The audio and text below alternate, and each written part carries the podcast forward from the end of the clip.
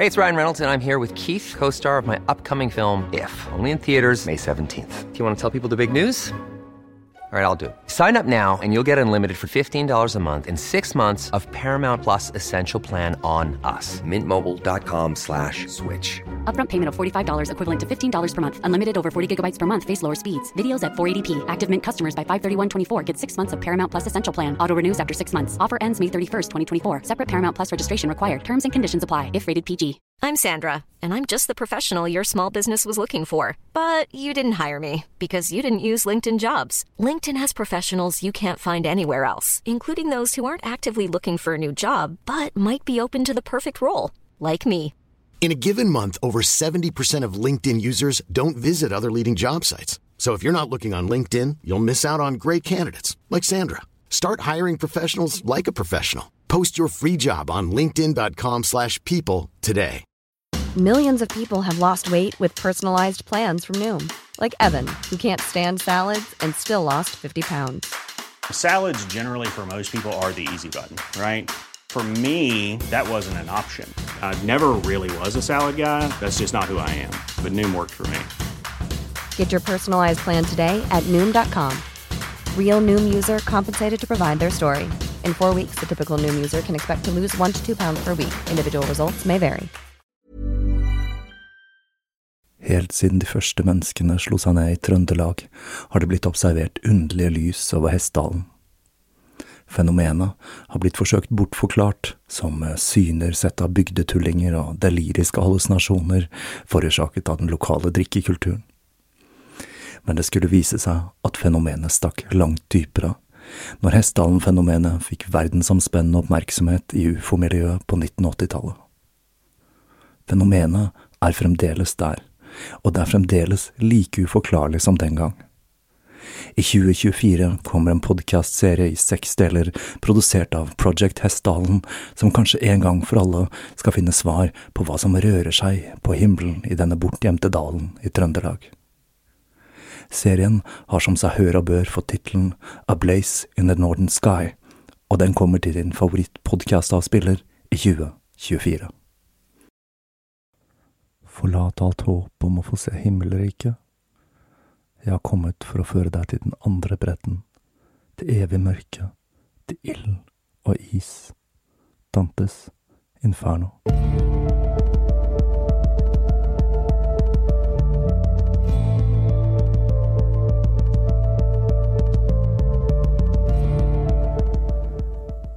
Hei og velkommen til Tåkeprat.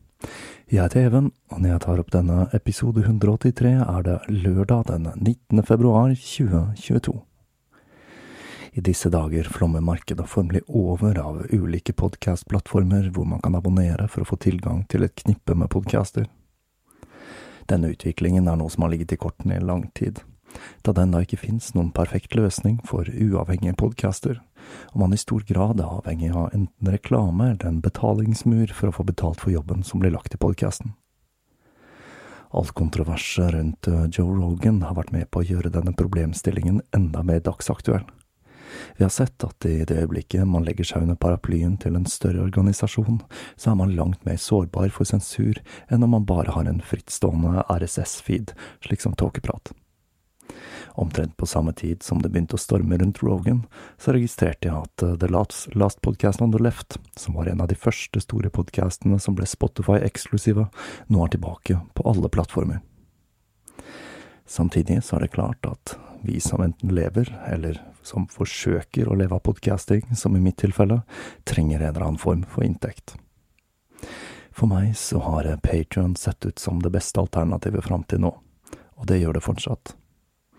Jeg har fremdeles denne forkjærligheten for fri informasjonsflyt, og et internett som ikke utelukkende er der for å suge informasjon ut av deg, for så å selge denne videre.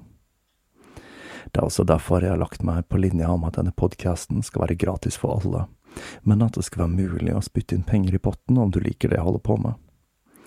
I tillegg så er jeg ekstremt lite glad i reklame, og jeg kjenner at det skjærer litt i sjelen bare jeg tenker på å ha reklamer her i Tåkeprat. Det blir litt som for en kristen å reklamere for Pepsi i Bibelen, eller hva med Fjordlands i Koranen, om du skjønner hva jeg mener. Det er jo også et tankekors at dersom jeg hadde fått én krone hver gang en episode ble spilt, så hadde jeg kunnet jobbet med tåkeprat på heltid for lenge siden, noe som fremdeles er mitt overordnede mål. Så jeg vil gjerne starte denne serien med å takke alle som støtter Tåkeprat på Patrion, og oppfordre til å støtte opp om Tåkeprat der. Du finner lenke dit på tåkeprat.com. Patrion er fremdeles det beste og minst inngripende alternativet vi har funnet, slik at podkasten kan forbli reklamefri og uavhengig av hva andre måtte synes og mene om innhold, profil og salgbarhet. Men nå skal vi ta et dykk ned i en av de mørkeste delene av menneskehetens historie, og til et kapittel som i stor grad har blitt feid under teppet og forsøkt skjult av flere nasjoner i etterkant. Et spørsmål som har dukket opp når jeg har diskutert materialet til denne serien med venner, er hva er ondskap? Og også hva er det som kan drive mennesker til å utføre så ekstreme handlinger mot sine medmennesker? Jeg håper å finne svaret på noen av disse spørsmålene i løpet av denne serien. Mange av dere har sikkert hørt om Josef Mengele, også kjent som Dødsengelen. Mengele utførte en rekke groteske eksperimenter i Auschwitz. Men som med så mange andre av toppnazistene, så klarte han å rømme fra oppgjøret etter krigen, og han ble ikke tatt av Mossad-agenter, men endte sine dager i frihet i Sør-Amerika. Det har vært mange myter rundt Josef Mengele, blant annet knyttet til hans fascinasjon for tvillinger, og ikke minst knyttet til verdien av forskningen han gjorde. Det er meget mulig at dødsengelen selv blir et tema for en serie her i Tåkeprat. Men så langt jeg har fått med meg til nå, så var arbeidet han drev med på fanger i konsentrasjonslære, verdiløst, og det faller i kategorien meningsløs tortur drevet fram av nazistenes raseideologi. Det er iallfall ikke vanskelig å forestille seg at det å injisere øyne med kjemikalier for å endre øyefargen, eller det å sy sammen tvillinger i et forsøk på å lage siamesiske tvillinger, har noen som helst medisinsk verdi overhodet. Men mens Mengele drev med sine operasjoner uten bedøvelse og moret seg med å torturere misdannede fanger, skjedde en serie med medisinske eksperimenter i Stillehavet som var minst like grusomme, men som ble utført med en slik nøyaktighet at resultatene fra forskningen har blitt en del av legevitenskapen.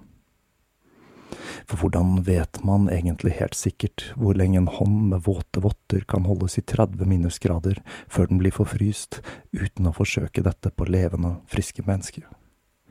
Og hvordan avgjør man om en arm er helt gjennomfrosset, med mindre den lager en lyd som en planke om man slår på den med en hammer?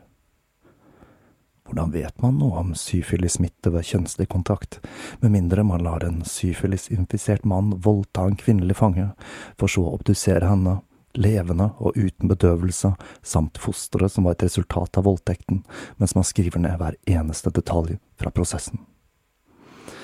Som dere sikkert skjønner, så blir dette en svært brutal serie, så den er nok ikke for alle. Men hvis vi skal finne svaret på hva ondskap er, så er nok dette kapittelet i menneskets historie en god plass å starte. Mannen som sto bak de japanske eksperimentene, var doktor Shiro Ishi en mann som i likhet med Mengele slapp unna oppgjøret etter krigen. Men i motsetning til Mengele så var dataene han hadde samlet på bekostning av enorm menneskelig lidelse, av stor interesse for blant annet amerikanske myndigheter etter krigen. Kildene mine til denne serien er blant annet Unit 731 Forgotten Auschwitz av Derek Pua, Unit 731 Laboratory of the Devil, Auschwitz of the East av Yang Yun og Tam Yu Him, og Japan's infamous Unit 731 First-Hand Accounts of Japan's Wartime Human Experimentation Program av Hal Gold og Yuma Totani. Den boka jeg nok syns var best av disse, var den sistnevnte av Hal Gold og Yuma Totani, som i all hovedsak baserer seg på fortellingen til vitner, som blir presentert på en lettleselig måte, om man kan kalle den typen historier for det. Derek Pua sin bok er en som er mer enn rett fram faktabeskrivelse av hva som skjedde i og rundt enhet 731, mens Yang Yun og Tam Yu-him baserer seg på avhør og dokumenter som har lekket i etterkant av krigen, i tillegg til fortellinger til vitner og pårørende. Denne boka bærer også preg av ikke å være skrevet for et vestlig publikum i langt større grad enn de to andre. Ikke minst på grunn av bitterheten over at grusomhetene som ble begått av Japan, ikke har fått den samme oppmerksomheten som de som ble begått av Nazi-Tyskland under krigen.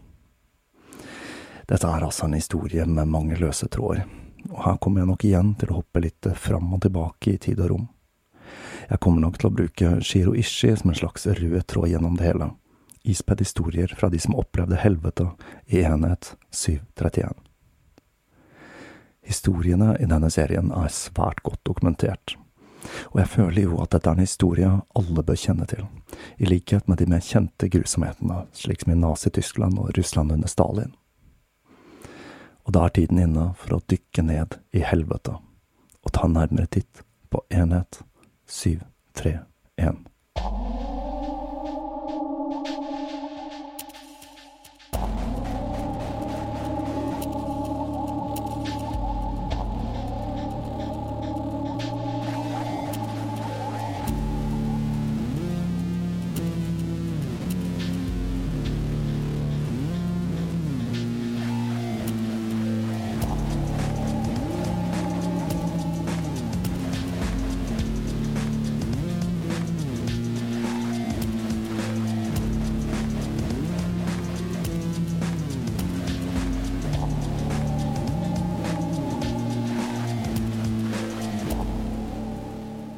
Mens jeg var stasjonert i Hangzhou, ble fanger ført dit av Ken Pai-Tai og det hemmelige politiet. De ble beskyldt for å være gerilja eller soldater i sivil. En dag like før det var middag, fikk vi høre at det skulle være en disseksjon. Jeg gikk ut og over til plassen der den skulle finne sted. Det var gravd et hull der, og to kinesiske menn med bind for øynene satt ved hullet i bakken. To japanske soldater halshugget dem, og blodet fra halspulsåren sto to meter til værs, som spruten fra en slange. Hodene deres rullet ned i hullet, og kroppene ble dissekert med det samme. Straks de var drept, ble brystet skåret åpent, og hjertet ble tatt ut og lagt på en vekt for å veies. Hjertene slo fremdeles, og det fikk skålvektene til å klamre. Ishibashi, Naokata en sivil assistent som jobbet ved enhet 731 i Tokyo.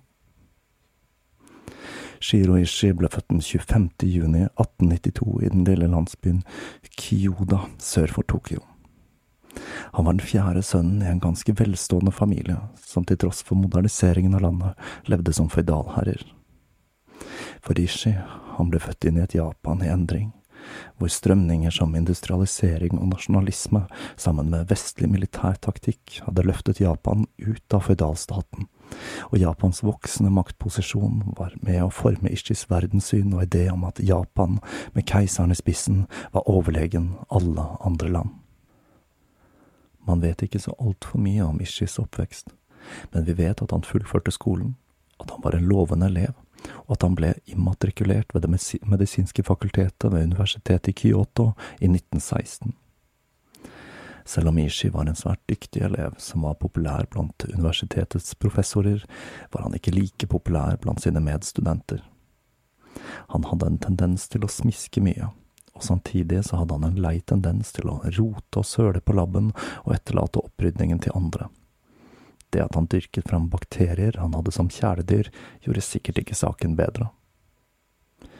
Men Ishi raste gjennom studiene, han, til tross for rot og søl, og han fullførte dem i 1920. En måned senere begynte han i militæret, og etter rekruttskolen og et par utstasjoneringer ble han sendt til et militærsykehus i Tokyo i 1922. Mens han var der, var det partylivet som preget tilværelsen hans og han benyttet seg flittig av byens bordeller og drakk tett, og det sies at han hadde en spesiell forkjærlighet for svært, svært unge geishaer. Men til tross for det utsvevende livet fikk han en anbefaling for mastergrad, og han returnerte til Kyoto, hvor han i tillegg til å få sin doktorgrad i medisin i 1927, klarte å smiske seg så høyt opp i systemet at han endte opp med å gifte seg med datteren til universitetets rektor, noe som gjorde at han fikk enda tettere bånd til universitetet. I løpet av perioden Ishi gikk på fylla og tok doktorgraden sin, skjedde det ting på den internasjonale fronten. Genéve-protokollen ble signert den 17. juni 1925, og den forbød bruken av kjemiske og biologiske våpen i krigføring. Protokollen var ment å hindre at man skulle gjenta grusomhetene fra den første verdenskrig. Delegasjonen fra Japan undertegnet protokollen, men undertegningen ble ikke formelt godkjent av det japanske parlamentet, og de sto derfor fritt til å utvikle et kjemisk og bakteriologisk våpenprogram. Ishi hadde fått med seg dette, og det han tenkte om saken var at dersom hele verden ønsket å forby slike våpen, så måtte de jo være effektive, og de kunne derfor være nyttige verktøy i japanske hender. Med en bakgrunn både fra akademia og militæret fikk han velsignelsen til hæren og marinen til å begynne å forske på de forbudte stridsmidlene. Et argument han vant fram med, var at bakteriologiske våpen var et langt billigere alternativ enn konvensjonelle stridsmidler. Bakteriologisk krigføring var jo langt fra et nytt fenomen. Et av de første tilfellene vi kjenner til, var fra 1347, hvor mongolske styrker katapulterte pestsmittede lik over murene til Kaffa i Ukraina, noe som hjalp pesten med å spre seg til resten av Europa. Og endelig så fikk jeg brukt ordet katapultere igjen. Et favorittord jeg skal prøve å bruke mer av i 2022, sammen med meta. Finner jeg nå bare en måte å bruke metakatapultert på i en setning, så føler jeg at mye er gjort så Ishi tenkte at han kunne lære litt fra historien, og nettopp bakterien som forårsaket svartedauden, Yersinia pestis, skulle bli en av favorittene hans. I tillegg til bruken av bakterier som våpen, så var det også et defensivt aspekt av forskningen hans. Mens han var forsker i Kyoto, ble han sendt til en region av Japan som hadde en epidemi, og der utviklet han et portabelt vannfiltreringssystem han skulle høste mye heder og ære for. Våren 1928 dro Ishi på en studietur han stort sett betalte ut av egen lomme. I løpet av to år besøkte han mer enn 20 europeiske land, i tillegg til USA og Canada, for å finne ut det han kunne om bakteriologisk og kjemisk krigføring. Men selv om noen av disse landene drev med forskning på dette i skjul, var det lite praktiske data å hente i Europa.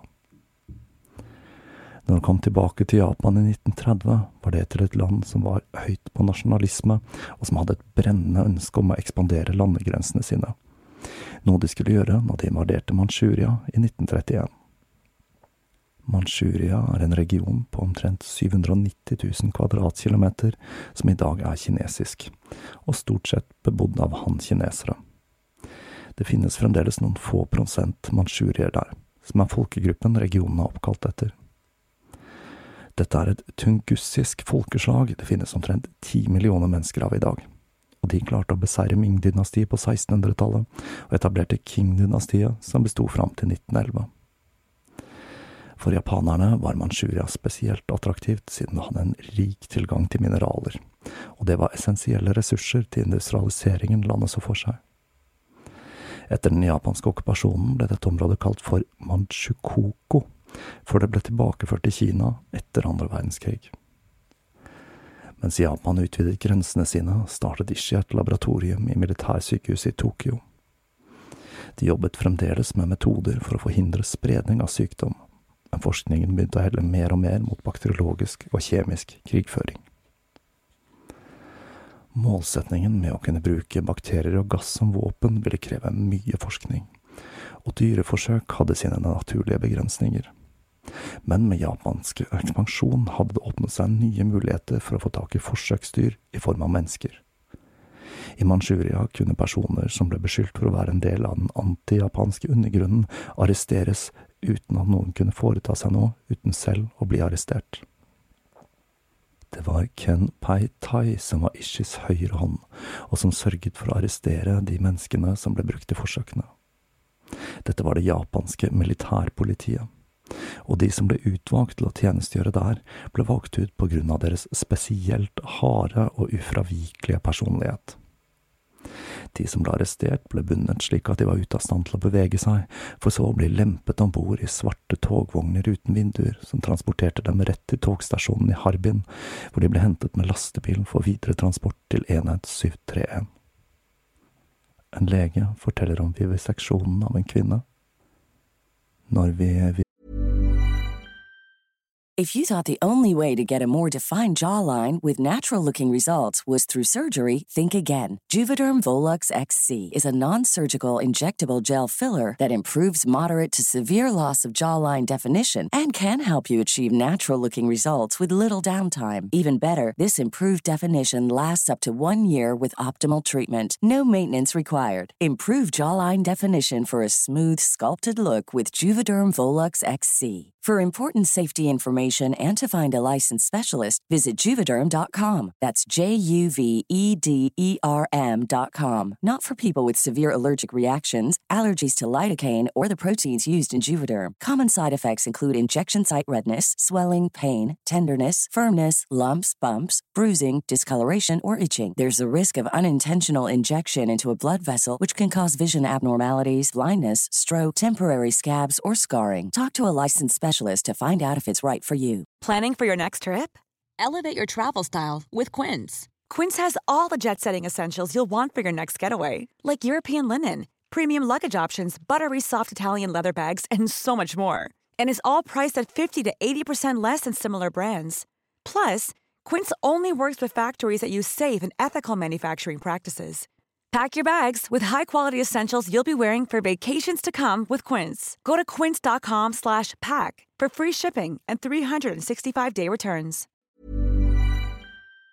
I dissekerte levende personer brukte vi noen ganger kloroform, og andre ganger ikke, slik at personen som ble skåret åpen, fremdeles var ved bevissthet. Denne kvinnen hadde blitt slått ut med kloroform, men hun kom til bevissthet under inngrepet. Hun begynte å reise seg og skrek, bare drep meg, men vær så snill og spar barnet mitt. Det var fire eller fem av oss som jobbet med henne. Vi holdt henne nede, ga henne mer kloroform, og fortsatte arbeidet.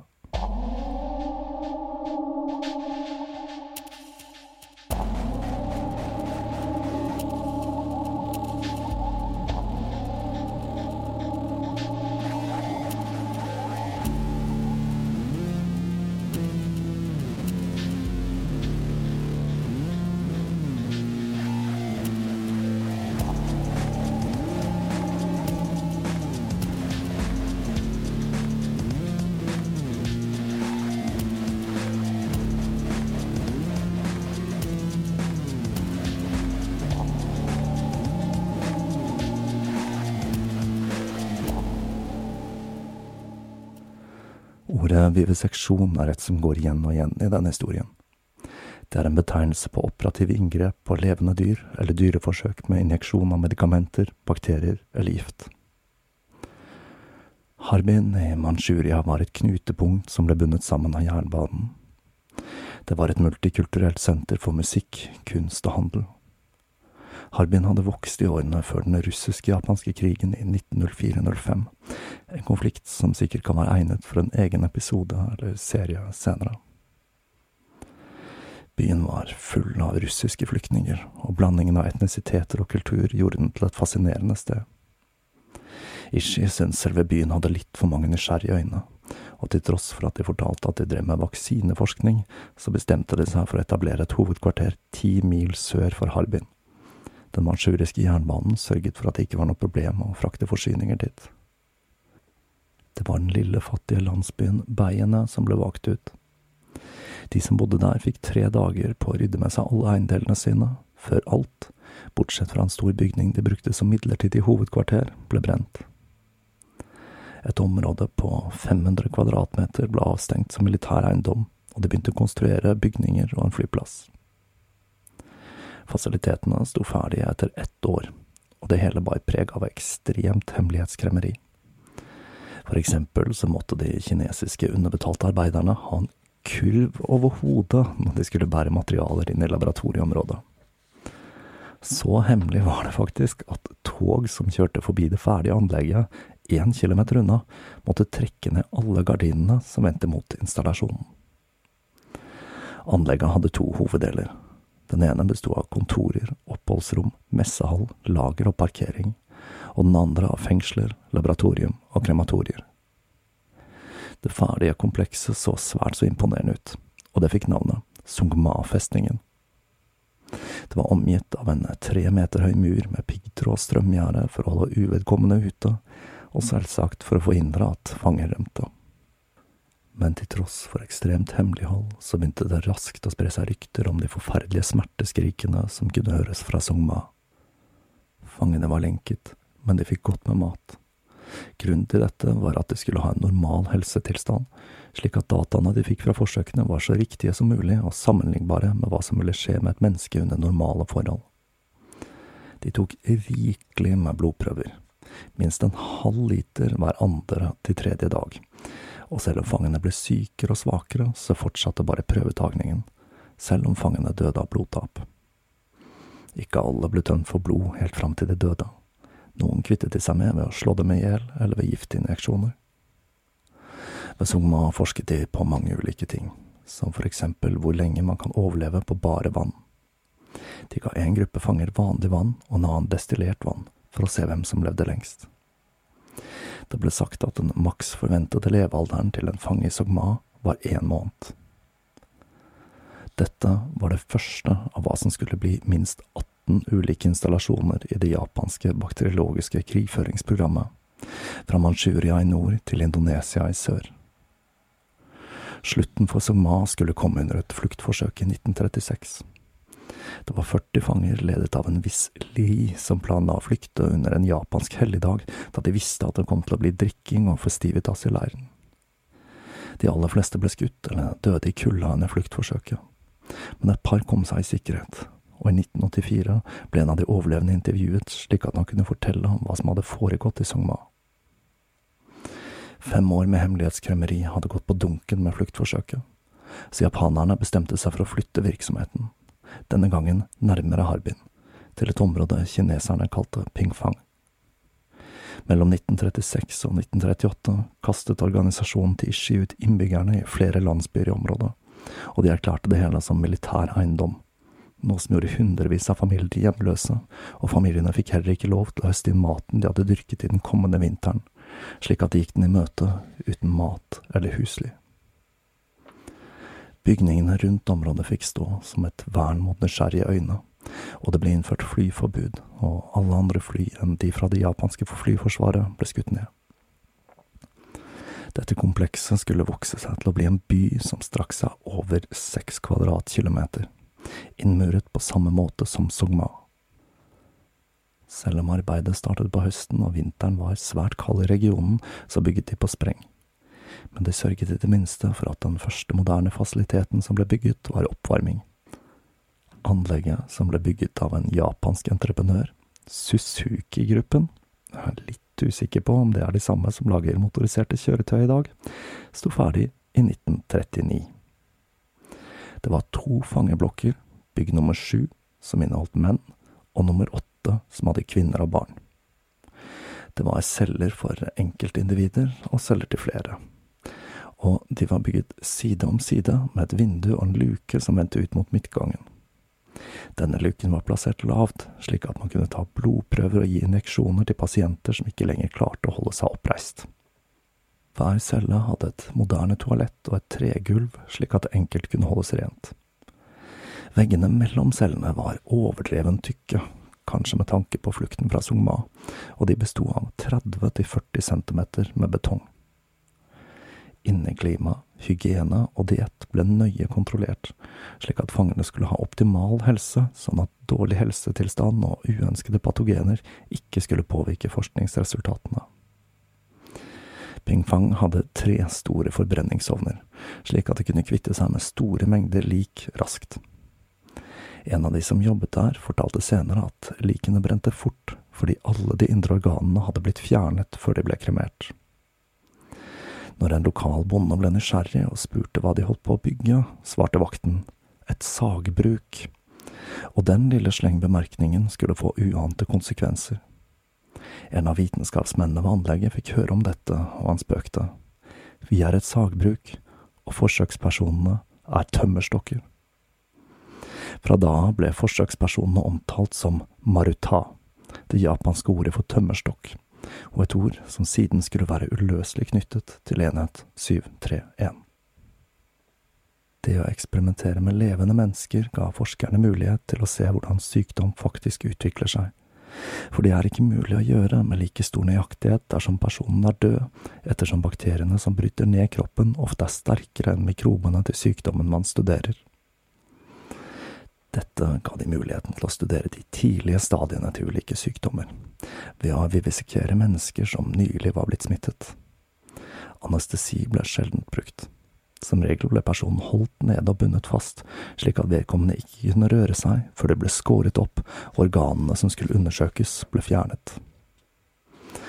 En person som ikke er bedøvet, dør ikke før en som er det og døden inntreffer ikke før det har vært tilstrekkelig med blodtap eller vitale organer blir fjernet. Og de som jobbet der, fortalte at personen, eller jeg er frista til å bruke offeret her, skrek når de begynte å skjære, men så ble det stille, helt fram til døden inntraff. Det var altså kvinner og barn der også. Noen ganger dreide dette seg om barn født av kvinner som hadde blitt arrestert mens de var gravide og hadde født barn i fangenskap men andre ganger dreide barna seg om resultatet av voldtekter som var blitt utført for å forske på kjønnssykdommer. Kvinner og barn ble ofte brukt i eksperimenter der man forsket på effektiviteten til biologiske våpen og gass, hvor man forsøkte å finne ut effektiviteten til ulike bomber og smitteværende pulver. Jernbanen var altså viktig for transport av fanger til fasilitetene, men flyplassen spilte også en svært sentral rolle. Ishi, som vi jo har skjønt at var veldig opptatt av status og det å klatre i hierarkiet, reiste ofte til Tokyo for å vise fram arbeidet sitt. Dette inkluderte flere ting enn rapporter. Han viste frem ulike kroppsdeler som armer, bein, føtter, organer og hoder. Enkelte ganger hadde han også med seg hele lik, og Ping Fang ble etter hvert den viktigste leverandøren til det medisinske fakultetet i Tokyo. Disse prøvene og resultatene av forsøkene ble gjort tilgjengelig for forskere over hele Japan, slik at de kunne forske på sykdommer man visste lite om fra før. Men selv om Ping Fang var hjertet i operasjonen, så dreide dette seg om et nettverk av anlegg som hadde mer enn 20 000 ansatte på høyden av virksomheten.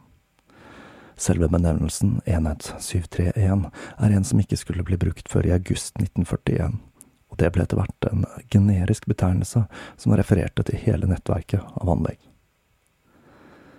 Så la oss nå se litt på noen av de største laboratoriene og hva de drev med.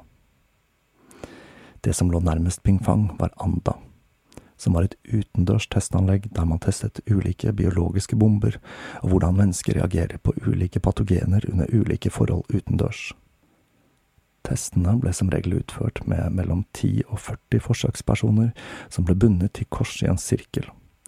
Og siden dette var upløyd mark, så måtte man rett og slett bare prøve seg fram, med ulike avstander, doser og eksponeringstid.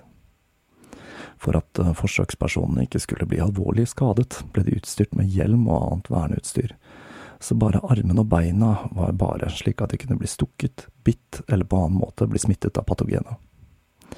I andre forsøk ble de bundet fast i planker i ulik avstand og forskjellige mønstre i forhold til detonasjonen, for å se hvordan dette påvirket utfallet. Vi fant en base i Xinjing, som i dag heter Changchun, som ligger i en provins som grenser mot Harbin i nord. Her forsket de på bruk av biologiske våpen mot husdyr, og som et middel i sabotasje ved å forgifte mat.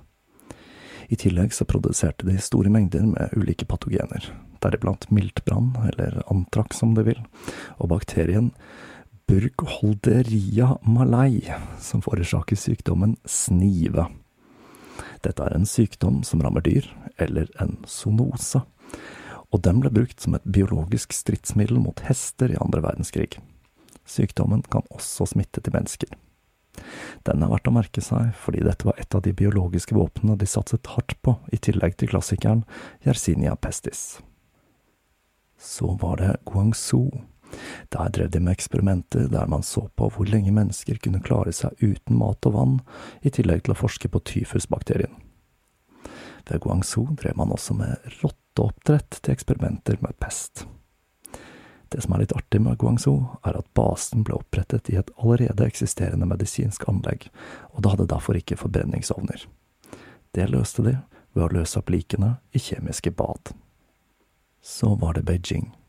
Her drev man med storstilt testing av pest, tyfus og kolera på testpersoner i rom med toveisspeil, hvor man kunne intervjue fangen via PA. I Singapore produserte man pestinfiserte lopper ved å plukke lopper fra rotter man hadde fanget, for så å la de suge blod av rotter som var infisert med Yersinia pestis. Loppene ble så satt til å formere seg i kanner fylt med sand, hesteblod og en kjemikalieblanding i to uker, før de ble fylt på flasker og sendt ut i videre bruk i krigføring og eksperimenter. Hiroshima var ikke bare åstedet for den første atombomben sluppet i krig. Men like ved Hiroshima ligger øya Okunoshima, som fra 1928 ble brukt til eksperimenter med sennepsgass. Mot slutten av 30-tallet utvidet de produksjonen, og de begynte å produsere ulike typer stridsgass for enhet 731. Og det var ikke bare fangene som ble brukt til eksperimentene til enhet 731, men hele befolkningen i Manchuria. Her følger noen eksempler. I mai 1940 lastet medlemmer av Enhet 731 et fly med infiserte lopper de slapp ut av Ningbo i Xinjiang-provinsen, og de klarte å starte et utbrudd av byllepest i regionen på denne måten. Like etter infiserte de området med tyfus og kolera for å se på synergieffekten av de ulike patogenene. I oktober samme år slapp de ut en blanding av ris, hvete og lopper over Koso, noe som førte til et pestutbrudd der 21 mennesker mistet livet. I november 1941 slapp de ut en blanding av lopper, hvete, mais og papir som var infisert med Yersinia pestis. Og denne gangen hadde de funnet den riktige blandingen, for dette pestutbruddet førte til mer enn 7600 dødsfall før man klarte å stoppe det. Krig er dette også. Krig er ikke bare skyting. Vi har gjort alle disse kineserne til fanger, skåret åpent kvinners mager og brent deres hjem om du ikke klarte det, vel, da var du ikke en soldat som var lojal mot keiseren.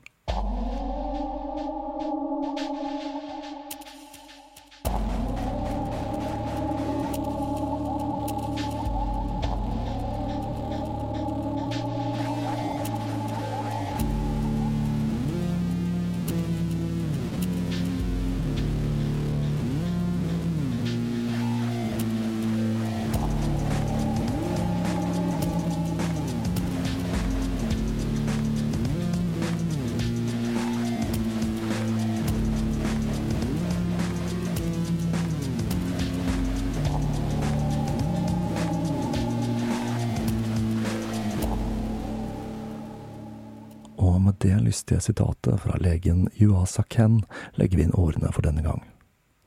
Som sagt så blir dette en ganske hard serie, og jeg skal ikke si annet enn at dette er ganske tøft materiale å jobbe med, og vi har bare så vidt begynt. Nå har dere fått et bilde av hvor hinsides omfattende det biologiske krigføringsprogrammet til Japan var, men her er det mer å ta av, og det står ikke på grusomheter. Vi har ennå ikke snakket om ting som kuldeeksperimentene eller de japanske militærbordellene, og det er historier hvor jeg kjenner at det knyter seg i magen min bare jeg tenker på dem. Så da er det bare å se fram mot en lystig vår her i Tåkeprat.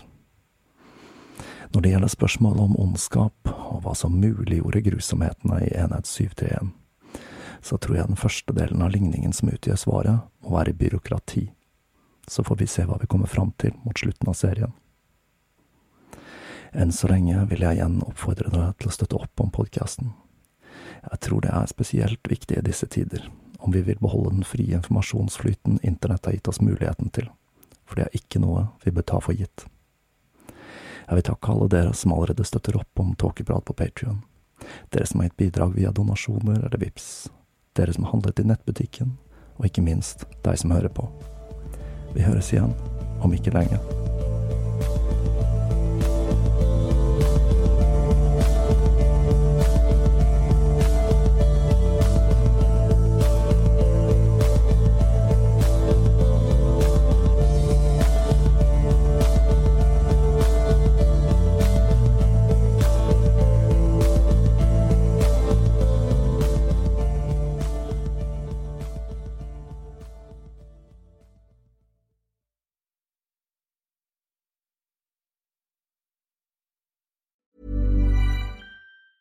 Planning for your next trip? Elevate your travel style with Quince. Quince has all the jet setting essentials you'll want for your next getaway, like European linen, premium luggage options, buttery soft Italian leather bags, and so much more. And it's all priced at 50 to 80% less than similar brands. Plus, Quince only works with factories that use safe and ethical manufacturing practices. Pack your bags with high-quality essentials you'll be wearing for vacations to come with Quince. Go to quince.com slash trip for free shipping and 365-day returns. Planning for your next trip? Elevate your travel style with Quince. Quince has all the jet-setting essentials you'll want for your next getaway, like European linen, premium luggage options, buttery soft Italian leather bags, and so much more. And is all priced at 50 to 80% less than similar brands. Plus, Quince only works with factories that use safe and ethical manufacturing practices. Pack your bags with high-quality essentials you'll be wearing for vacations to come with Quince. Go to quince.com/pack for free shipping and 365-day returns.